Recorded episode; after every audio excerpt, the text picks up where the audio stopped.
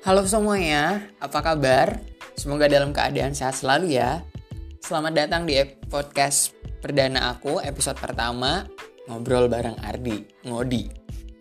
Perkenalkan, aku Ardi Budi Prakoso, saat ini berprofesi sebagai dokter hewan, sekaligus sebagai ASN milenial di pemerintah kota Pangkal Pinang.